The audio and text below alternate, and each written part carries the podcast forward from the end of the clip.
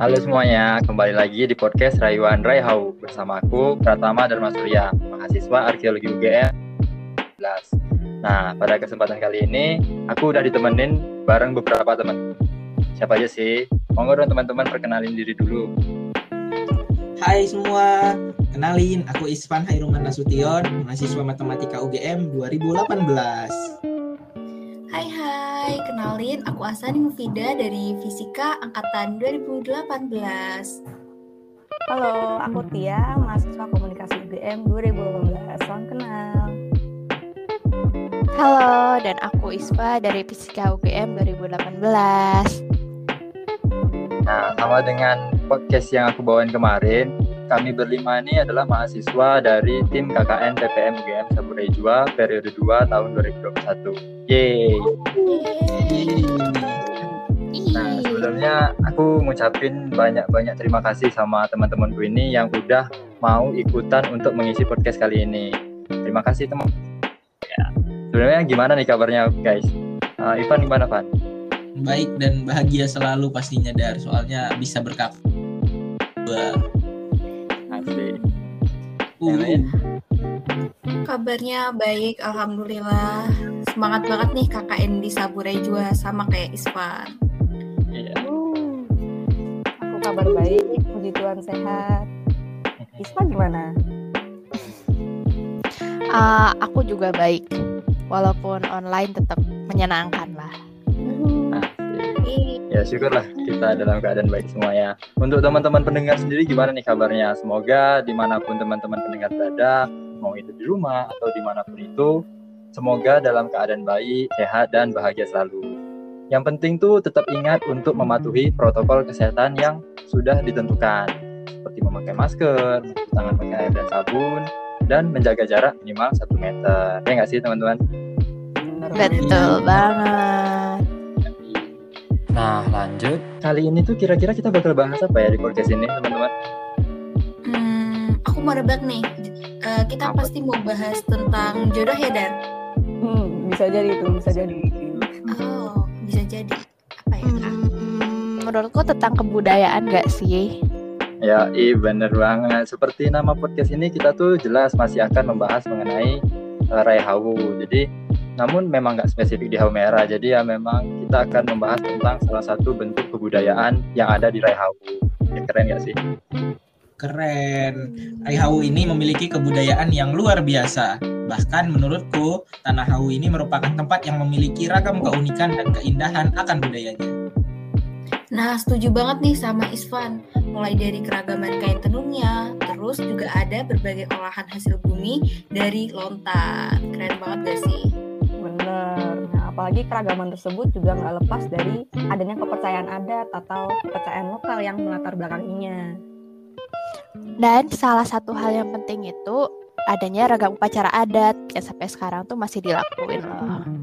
Nah, itu dia. Sampai sekarang nih masyarakat Rai Hawu masih banyak kan yang apa, melakukan upacara-upacara adat.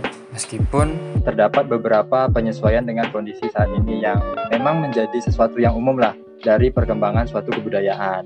Nah, selain upacara adat, di Rehawu itu juga ada upacara lain yang yang bisa dibilang tidak termasuk upacara adat, namun sangat penting itu loh bagi masyarakat Rehawu, yaitu upacara siklus kehidupan atau upacara daur hidup. Nah, iya Dar. Aku pernah dengar soal upacara itu. Dan bentuknya tuh rangkaian gitu kan. Jadi terdapat banyak upacara-upacara gitu. Iya, terus upacara-upacara itu tuh dilakukan untuk menandai peralihan tingkat-tingkat hidup suatu individu dan untuk menghindarkan yang bersangkutan dari bahaya. Benar, benar. Nah, asik nih kalau teman-temanku udah pada tahu. Jadi kan teman-temanku ini memang pinter tepat lah aku ngajak mereka untuk ngobrol-ngobrol ini. Mantap banget. Oh iya, Dar. Upacara yang dilakuin oleh masyarakat Rehawu saat kelahiran, perkawinan, sama kematian itu bukan sih? Ya benar, tapi nggak cuma itu sih sebenarnya. Jadi eh, dimulai dari bayi masih dalam kandungan itu ada upacaranya juga. Terus pas menginjak masa remaja gitu kan mau beranjak dewasa itu juga ada upacaranya. Oh iya, Eh, uh, gimana tuh pas masih mengandung? Nah, kalau pas masih mengandung tuh dari yang aku tahu pas pernah diskusi bareng salah satu orang sabu namanya Bapak Madugu itu tuh dilakukan beberapa upacara di dalam keluarga untuk menandai usia kandungan dan mendoakan keselamatan sama kesehatan dari si ibu serta si bayi. Nah, menjaga apa serta juga menjaga dari roh-roh jahat gitu katanya roh-roh jahat makhluk-makhluk halus itu nah terus kalau untuk ragam upacaranya itu ada beberapa. Ada namanya iuroloku. Nah ini nih upacara yang dilakukan ketika kandungan berusia tiga bulan. Terus ada temoko naludeo. Nah kalau ini nih pas usia kandungannya e, berusia lima bulan. Nah dan di sini tuh ada mempersiapkan mempersiapkan kedatangan si bayi itu sebagai pemberian Tuhan. Jadi ya kayak membeli membeli perlengkap, perlengkapan gitu. Nah terus lanjut lagi pas usia kandungan tuh lagi tujuh bulan itu ada namanya Pepana Naludeo. Nah di sini tuh persiapan yang tadi udah dibeli atau apa pun tadi itu dibersihkan gitu, dibersihkan. Nah terus terakhir ada Deburu Naludeo. Nah, ini pas masa kandungannya berusia 9 bulan. Pas mau-mau lahir gitulah memang.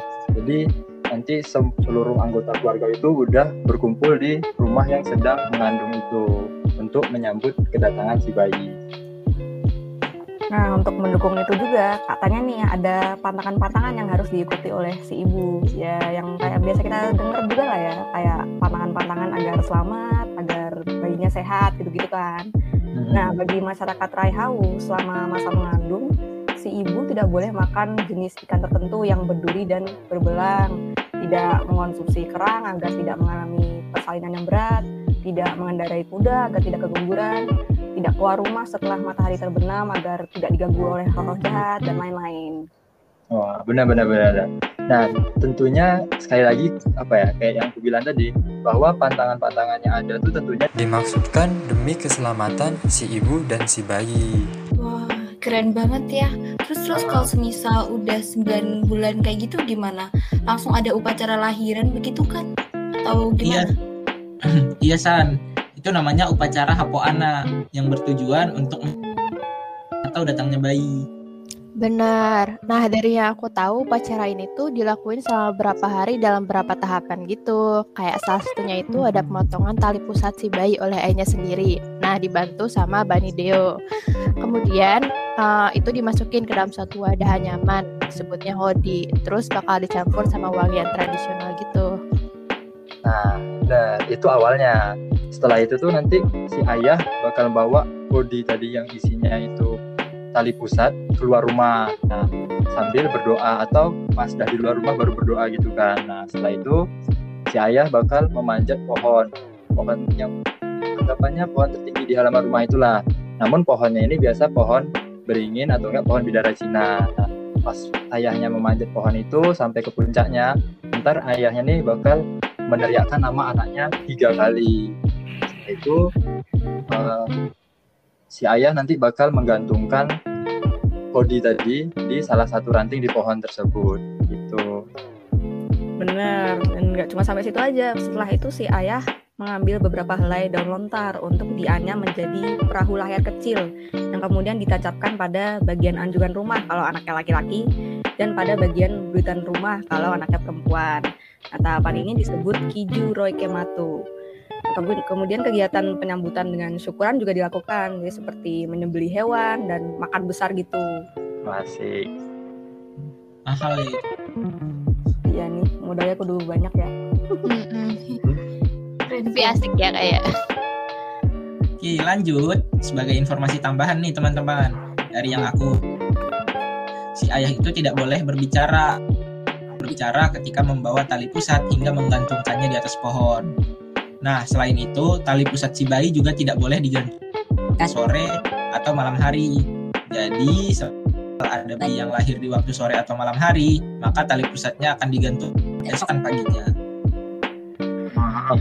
Dan serangkaian tahapan dan pantangan itu tuh dimaksudkan untuk keselamatan dan harapan baik bagi si bayi sekaligus mempererat hubungan kekeluargaan antar kelompok gitu kan karena ya mereka pas mau lahiran itu udah pada ngumpul gitu anggota keluarganya terus juga tetangga tetangganya juga pada datang ke rumah yang mau lahiran Oh gitu, keren keren. Gila sih kalian keren banget pinter-pinter ya. Ya bentar, sekarang aku mau tanya deh.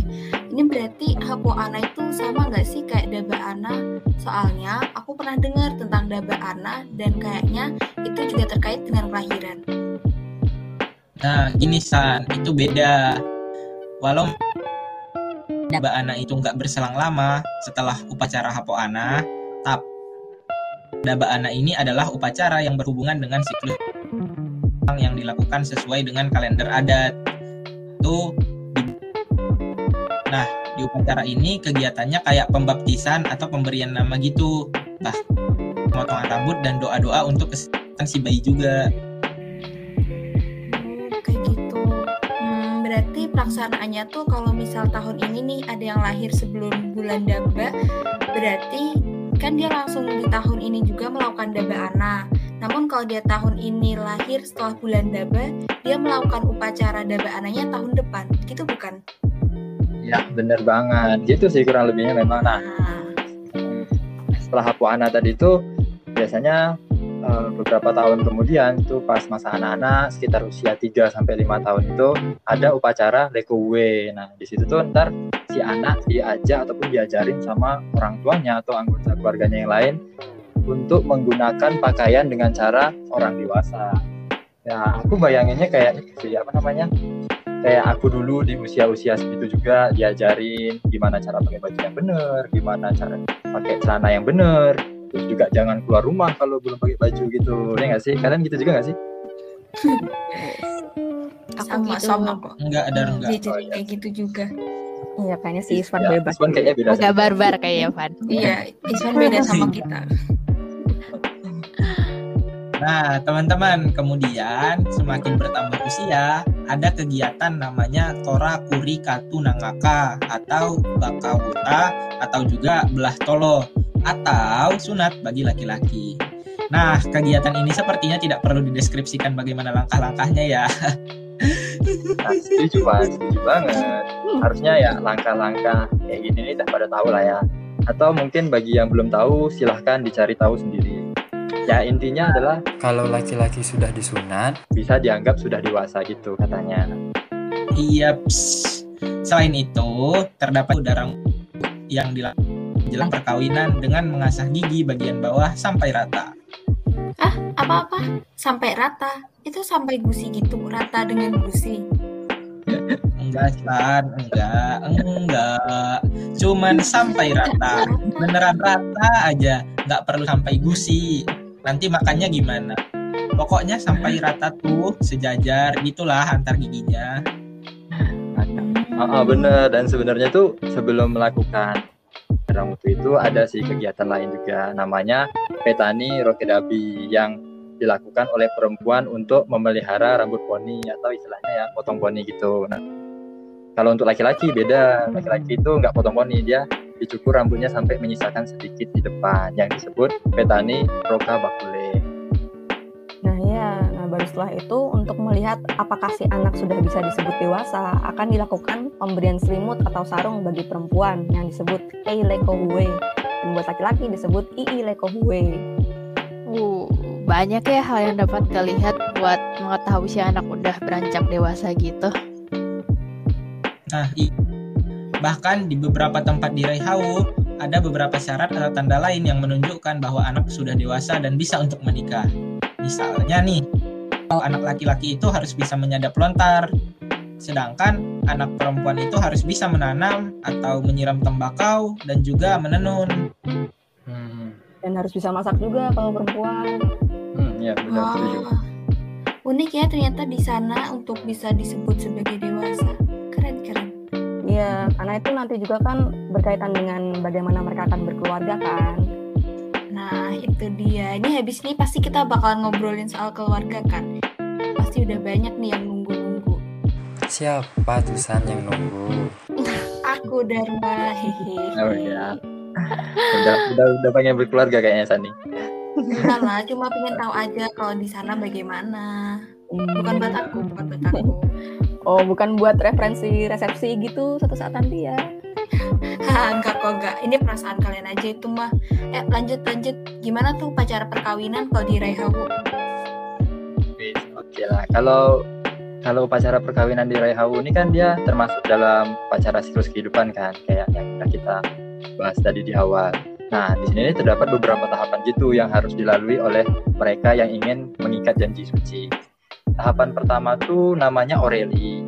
Jadi di tahap ini nanti anak laki-laki pergi ke rumah calonnya, uh, anak perempuan gitu kan. Nah, terus disusul oleh orang tua pihak laki-laki. Nah, pada tahap ini ntar pihak laki-laki biasanya membawa sirip pinang, kapur, tembakau, sama kue lokal.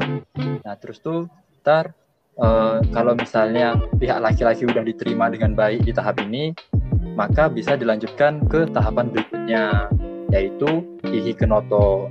Nah, kalau di tahap ini tuh pihak laki-laki biasanya membawa sirip pinang terus dimasukkan ke dalam wadah nyaman gitu kan. Nah, wadahnya ini namanya kenoto. Makanya nama upacaranya ini juga kadang disebut kenoto gitu. Upacara perkawinan itu upacara kenoto. Di tahap ihi kenoto ini nanti dilakukan pembicaraan mengenai berat ringan permintaan keluarga pihak perempuan yang berhubungan dengan belis atau mungkin kita kenalnya atau kita taunya mahar serta nanti juga bahas soal waktu pelaksanaan perkawinan. Setelah sepakat mengenai mahar, ntar keluarga pihak laki-laki akan berkomunikasi dengan sanak saudaranya untuk membahas perihal mahar tersebut. Nah, setauku besar kecilnya mahar yang diminta pihak perempuan tuh bergantung pada nilai mahar ibunya dulu di waktu ibunya menikah. Sehingga nilai maharnya tidak boleh lebih besar dari nilai mahar ibunya dulu kalau maharnya lebih besar dipercaya akan dampak negatif bagi rumah tangga yang menikah. Nah iya Tia, dari yang aku tahu juga nih, bentuk mahar itu biasanya berupa hewan seperti kerbau, kuda, atau babi, dan ditambah emas. Nah, benar. Habis itu aku tahu, setelah itu dilakukan peminangan atau pepanga amu atau peagu kenoto kan? Iya, San. Di tahap ini, ada yang langsung melanjutkannya dengan pernikahan adat. Tapi ada juga yang hanya peminangannya saja. Hmm, nah, kalau misalnya dalam pernikahan adat di sana gitu kan, yang ku tahu tuh uh, kegiatan tuh dilakukan dikali dengan air yang mengalir gitu agar pernikahannya dianggap sah katanya. Jadi ya misalnya kalau di suatu wilayah itu nggak memiliki kali mengalir, maka harus mencari ke wilayah lain dengan berjalan kaki. Nah, sesampainya di kali, ntar mempelai laki-laki duduk menghadap ke sumber mata air dan saudari-saudarinya, baik itu yang lebih muda atau yang lebih tua, ntar membantunya mengolesi uh, tubuh uh, mempelai laki-laki itu dengan santan kelapa yang sudah diberi wewangian. Ntar hal yang sama juga dilakukan oleh mempelai perempuan gitu kan, cuman di kali yang berbeda. Terus uh, setelah itu mereka nanti kembali ke rumah dan bersiap-siap untuk pergi ke kali yang akan dipakai untuk menikah. Nah, kali yang dipakai untuk menikah ini berbeda dengan kali yang uh, sebelumnya itu. Hmm, ya, nah, selama perjalanan tersebut mereka juga akan menyanyikan lagu-lagu dan syair-syair untuk memuji Tuhan, leluhur, orang tua, keluarga, dan semua yang telah mendukung agar rumah tangga mereka nantinya sejahtera dan rukun. Nah, tadi kan aku juga bilang kan kalau mereka tuh balik lagi ke kali kan, ya, tadi ke kali yang berbeda kan. Nah, sesampainya di kali, ntar mempelai laki-laki dan perempuan itu tuh datang dari dua sisi kali yang berbeda. Terus mereka bareng-bareng turun ke tengah kali sambil memegang suatu wadah yang berisi kelapa yang sudah diparut dan ditambah ramuan wangian tradisional. Nah, pas sudah sampai di tengah, ntar mereka saling mengolesi gitu satu sama lain. Ya, so sweet kali lah. So banget ya. Setelah itu kayaknya aku tahu deh. Abis itu mempelai perempuan bakal digandeng ke arah datangnya mempelai laki-laki. Setahu aku. Nah, terus di sana mereka bakal duduk bersila dan saling berhadapan. Kemudian mereka bakal membelah kelapa. Nah, katanya unik nih, jika kelapa yang dibelah lebih besar di bagian kiri, maka perempuan akan dominan di rumah tangga itu. Kebalikannya, kalau pas dibelah ternyata kelapanya lebih besar di bagian kanan, maka laki-laki yang akan dominan di rumah tangga itu. Nah, kalau seimbang, maka tidak ada yang dominan dalam rumah tangga itu. Cuman nggak nggak hanya itu, ada selain belah kelapa, mereka juga makan sirip pinang gitu kan. Nah, ntar uh, yang punya warna paling bagus maka dia yang dianggap dominan gitu dalam rumah tangga. Terus setelah apa rangkaian kegiatan di kali tadi itu kedua mempelai nantinya kembali ke rumah masing-masing. Kemudian pihak laki-laki mempersiap pemberian mahar ke pihak perempuan sekaligus nanti menjemput dan membawa mempelai perempuan untuk tinggal di rumah mempelai laki-laki. Nah, iya. Ketika memboyong mempelai perempuan juga harus diiringi syair-syair doa di sepanjang perjalanan. Terus, kedua mempelai juga bergandeng tangan dan berjalan selangkah seirama.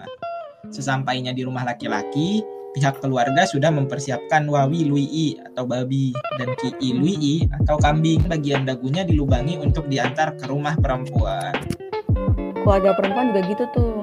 Nantinya keluarga perempuan akan mengirimkan ayam rebus untuk melakukan PTD PAI atau balibara sebagai pesta di rumah mempelai laki-laki dengan menyembeli banyak babi dan membagikannya pada seluruh keluarga yang terlibat. Mereka makannya bareng-bareng juga sama-sama di tempat itu. Setelah itu barulah kedua mempelai sah menjadi suami istri. Gimana San? Menarik gak? San? Jangan tidur, Bo. Memang suka tidur orangnya. Oh iya. Iya. San bangun Ah, San. sorry, sorry, sorry. Halo, halo. Ketiduran ya, San? Enggak kok, enggak. Keren-keren. Ini barusan cuma lagi berhayal aja. Berhayal atau bermimpi? Beneran nih berhayal. Tenang aja. Kalau kalian nggak percaya, aku bisa kok ceritain ulang lagi. Gimana? Mau aku ceritain ulang ini? Jangan, jangan, jangan. Ntar, ntar kamu yang ketiduran. Bener juga ya, Dan. Nah, nah gitu dong kan asik. Oh iya, itu masih ada sampai sekarang nggak ya yang tadi kalian ceritain? Kalau kondisinya sekarang itu udah bergeser sih. Jadi kayak nggak semua kegiatan tuh dilakukan. Bahkan biasanya hanya sampai peminangan aja gitu. Nggak nggak ada sampai nyari kali-kali gitu. Untuk belis juga ada pergeseran. Kayak sekarang tuh istilahnya hewan dalam amplop. Artinya nilai harga dari hewan sebagai belis yang diuangkan dan dimasukkan ke dalam amplop itu. Gimana? Hewan dalam amplop, hewannya dimasukkan ke amplop. Emangnya muat? Bukan hewan dalam amplop, San. Tapi mahar dalam bentuk uang masukkan ke dalam amplop sebagai pengganti mahar hewan. Ah, iya iya iya. Terus besarnya berapa tuh biasanya? Nah, di Halumehara nilai belis itu berjumlah 27 ekor kerbau. Wow, besar banget. Kalau diuangkan itu kira-kira habis berapa duit ya? Nah, ini nih yang mungkin perlu kita ketahui lagi juga. Jadi nilai belis yang diuangkan itu nggak mengikuti harga pasar, namun tergantung pada pola pendekatan dengan tetap mengacu pada dasar nilai belis ibu dari mempelai perempuan. Oh, Ya, ah, ya jika kalau mau dihitung dalam rupiah gitu, nilai belis itu berkisar Antara 25 juta sampai 75 juta gitu. Cuman apa ya? Meskipun demikian, ada sih satu hal yang masih berlaku sampai sekarang terkait dengan belis, yaitu larangan bagi mempelai perempuan untuk menggunakan belis. oh. Oh, paham paham paham. Wah, boleh nih, boleh nih. Hehe. ya bisa lah ya. Dan ini undang-undang kami kalau nikahan pakai adat ntar. Hehe, siap Dharma, siap. Hehe. Asik. Kaliannya siap ya nggak sih, Mat? Oke, Iya, tuh. Oke, kurang lebihnya begitu perihal upacara perkawinan. Ada tambahan dikit nih, Dar. Ada apa? Nah, itu kan upacara yang lokal kan, yang adat gitu. Sekarang juga udah ada upacara secara keagamaan. Maksudnya secara agama resmi yang diakui di Indonesia gitu. Ya kayak di gereja atau di masjid gitu, sesuai dengan agama yang dianut oleh yang akan menikah. Cuman memang belum intens dilakukan karena mungkin ada kesulitan dalam panduan atau apa saja yang perlu dipersiapkan gitu. Ya benar benar benar. Nah, kalau untuk Bapak Ina dan teman-teman disabilitas juga di THU, di Omehara, bisa atau boleh banget tuh untuk menggunakan teman kami dari tim KKN PPM UGM Saburai 2 tahun lalu yang menuliskan tentang panduan pendaftaran tata cara pernikahan dalam agama Katolik dan Kristen Protestan. Jika memang apa ya Bapak Ina ingin selain menikah secara adat juga menikah secara agama gitu. Linknya di deskripsi ya teman-teman. Nah, setelah melalui perkawinan, hidup berkeluarga, bisa lepas dari yang satu ini. Karena setiap manusia yang lahir pasti akan meninggalkan dunia ini, yaitu kematian. Iya benar. Nah, masyarakat Reho itu mengenal dua jenis kematian. Yang pertama, madenata atau disebut mati manis. Nah, ini tuh kematian yang wajar akibat umur. Nah, kalau yang kedua ini madeharo atau disebut mati asin. Ini kematian yang tidak wajar, kayak misalnya akibat kecelakaan, tenggelam, jatuh, atau bunuh diri gitu deh. Iya, nah pada kasus kematian wajar, keluarga jenazah memberitahukan kematian yang meninggal dengan menggunakan kuda yang diberi penanda suara tertentu di lehernya, agar orang-orang tahu kalau ada yang meninggal.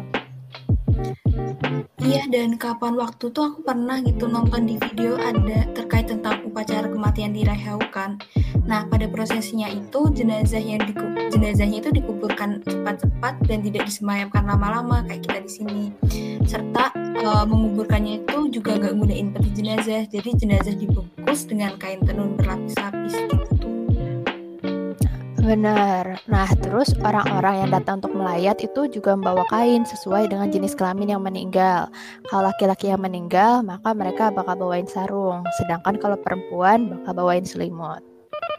Nah, tapi itu dalam prosesinya tadi juga sebelum di itu ada kegiatan lainnya kayak jenazah pertama dimandikan dan diberi minum oleh apa minuman tertentu gitu yang dipercaya bahwa jenazah itu harus dikasih minum sebelum berangkat menuju tanah leluhur. Minuman tersebut tuh dimasak menggunakan periuk kecil dengan berisikan air dan daun lontar.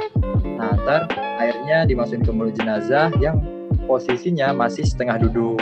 Baru kemudian dibaringkan, terus dimandikan, diberi minyak tertentu, baru dibungkus kain kayak yang dibilang Sani tadi. Iya benar. Nah, dan kain tersebut itu membungkus jenazah dari kepala sampai kaki. Nah, tapi untuk bagian wajah kayak mata, mulut, dan telinga itu ditutup menggunakan kayu tertentu. Kemudian, kain diikat menggunakan tali dari pohon juang atau enao. Nah, yang dilanjutkan dengan meletakkan jenazah dalam posisi duduk. Nah, sembari melakukan proses di atas, itu disiapin juga lubang kuburannya. Nah, terus dari video yang pernah aku lihat juga, itu apabila lubang kuburannya telah siap, lubang kuburannya itu ada dibentangkan tikar satu lembar gitu, kayaknya dari daun lontar deh. Dan kemudian dihamburkan sesuatu kayak benih-benih gitu ke dalam lubangnya. Nah, iya. Setelah itu, jenazah dimasuknya dibuka. Kemudian jenazah dibersihkan dan kepala dihadapkan ke arah barat. Lalu tikar tadi dilihat jenazah dan ditutup kuburannya lubang kuburan itu akan membentuk gundukan tanah bulat. Kemudian periuk dengan kelapa diletakkan di atas kuburan. Nah, setelah itu semua yang terlibat akan mencuci tangan di atas kuburan tersebut.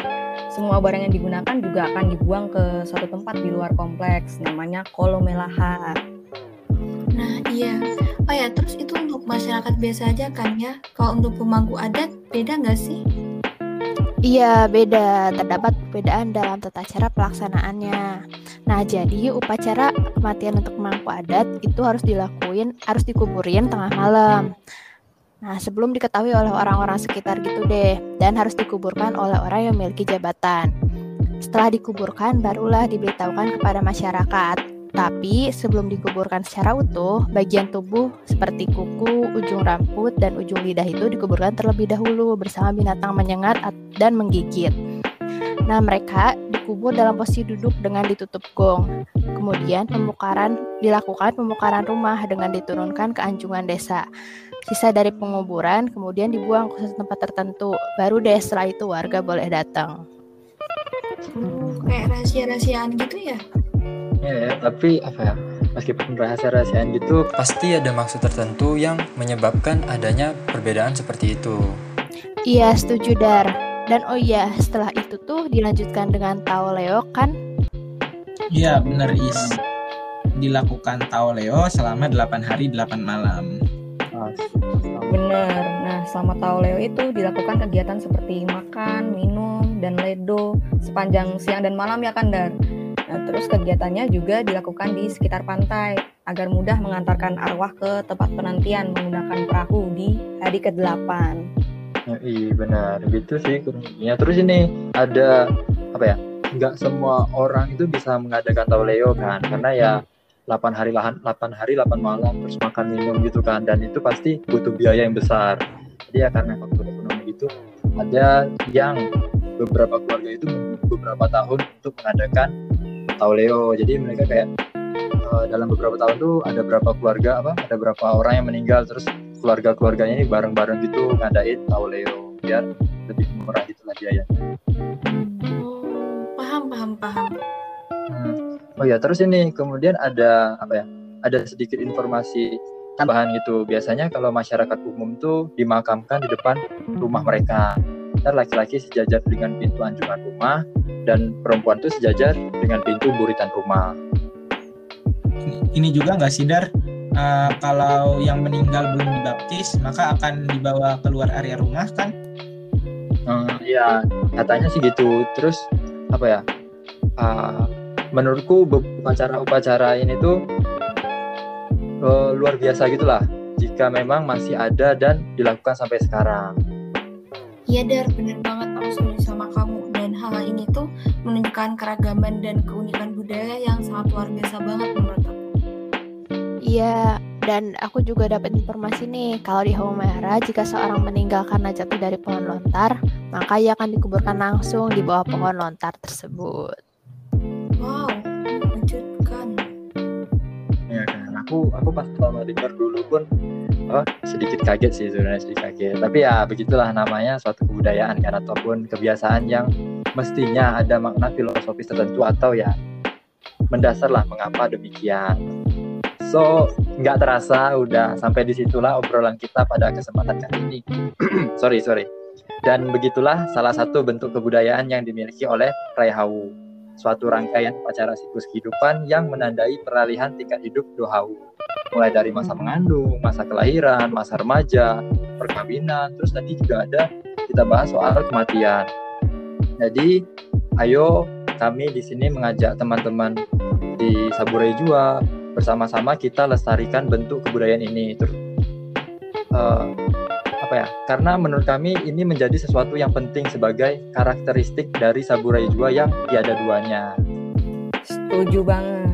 Nah dengan lestarinya kebudayaan ini tentu perlu dipahami bahwa hal ini bisa jadi salah satu cara untuk mengembangkan wilayah saburai jua dan untuk keberlangsungannya supaya tidak menghilang begitu saja. Nah, dengan begitu, salah satu wilayah paling selatan di Indonesia ini bisa jadi primadona di Indonesia atau bahkan dunia dengan keunikan budayanya banget teman-temanku. Hal ini tentu akan menunjukkan bahwa Raihau bukan hanya indah alamnya tetapi beragam dan unik juga. Ya, iya benar banget teman-teman. Dan ini baru salah satu bentuk kebudayaannya aja kan? Masih banyak lagi kebudayaannya. Dan aku pribadi merasa makin penasaran gitu sih sama Raihau teman-teman juga nggak sih? Makin penasaran. Yeah. sama banget dar. Setuju setuju. Terlebih juga sama kebudayaan Haumehara yang banyak banget dan keren-keren banget iya bener banget sayang sih ya pas masa seperti ini kita nggak bisa ke sana ya bener pokoknya setelah pandemi ini usai ayolah kita gas langsung ke sana gas. Gas mana dibayar di Dharma. gas banget. Ya boleh, boleh. Boleh gas lah. Oke lah teman-teman, terima kasih sudah mendengarkan podcast Rayuan Rehawu episode kali ini tentang upacara siklus kehidupan Rehawu dan sekali lagi tadi kita udah bahas apa aja sih nih teman-teman? Ya, di masa kehamilan ada Yu Rauleku, Hapo Ana. Ya, terus tadi ada di masa menuju dewasa seperti darah mutu, di masa perkawinan dan di masa kematian ada Tauleo. Ya, pokoknya banyak banget lah yang udah kita dapat dan bahas di podcast kali ini. Sekali lagi terima kasih teman-teman sudah mendengarkan dan sampai ketemu di podcast Rayuan Rayu episode selanjutnya. Pratama Dharma Surya pamit. Is Sani. Ya. Dan juga Isfa. Kami pamit. Pamit. Oke, okay, terima kasih semua. Sampai jumpa. Bye-bye. Bye. Bye.